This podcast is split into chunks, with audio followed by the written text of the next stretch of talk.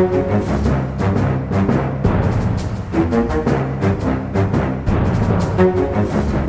er vi i gang. Vi har nettopp spilt inn ny episode av Aftenpoddens Makta gjennomgang, og tar for oss episode fem i NRK-serien.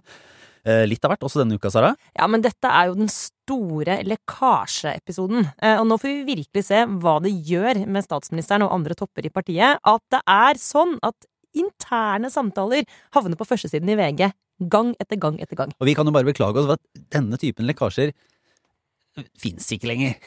Vi har ingen Arvid Engen akkurat nå, men eh, hvis det er noen der ute, så er det bare å ta kontakt. Ja, Så snakker vi også litt om hvordan eh, Gro eh, begynner å spille makta. Bryte litt med prinsippene sine. Yes. Og så snakker vi litt om politikken som ligger bak de store sakene som, som ligger og lurer bak, bak drama i denne episoden. Så løp og lytt hos Podme og i Aftenposten-appen. Der er det en ny episode nå, og så høres vi på torsdag med en vanlig Aftenpodden-episode. Ha det bra! Å spise, drikke, kjøre bil, dra på ferie, bare gå ut døra har blitt mye dyrere, og medisinen som skal fikse problemet, heve styringsrenten med 0,25 prosentenheter til 4% er renta. Men når renta stiger, så blir jo boliglånet sykt dyrt òg. Må det være sånn?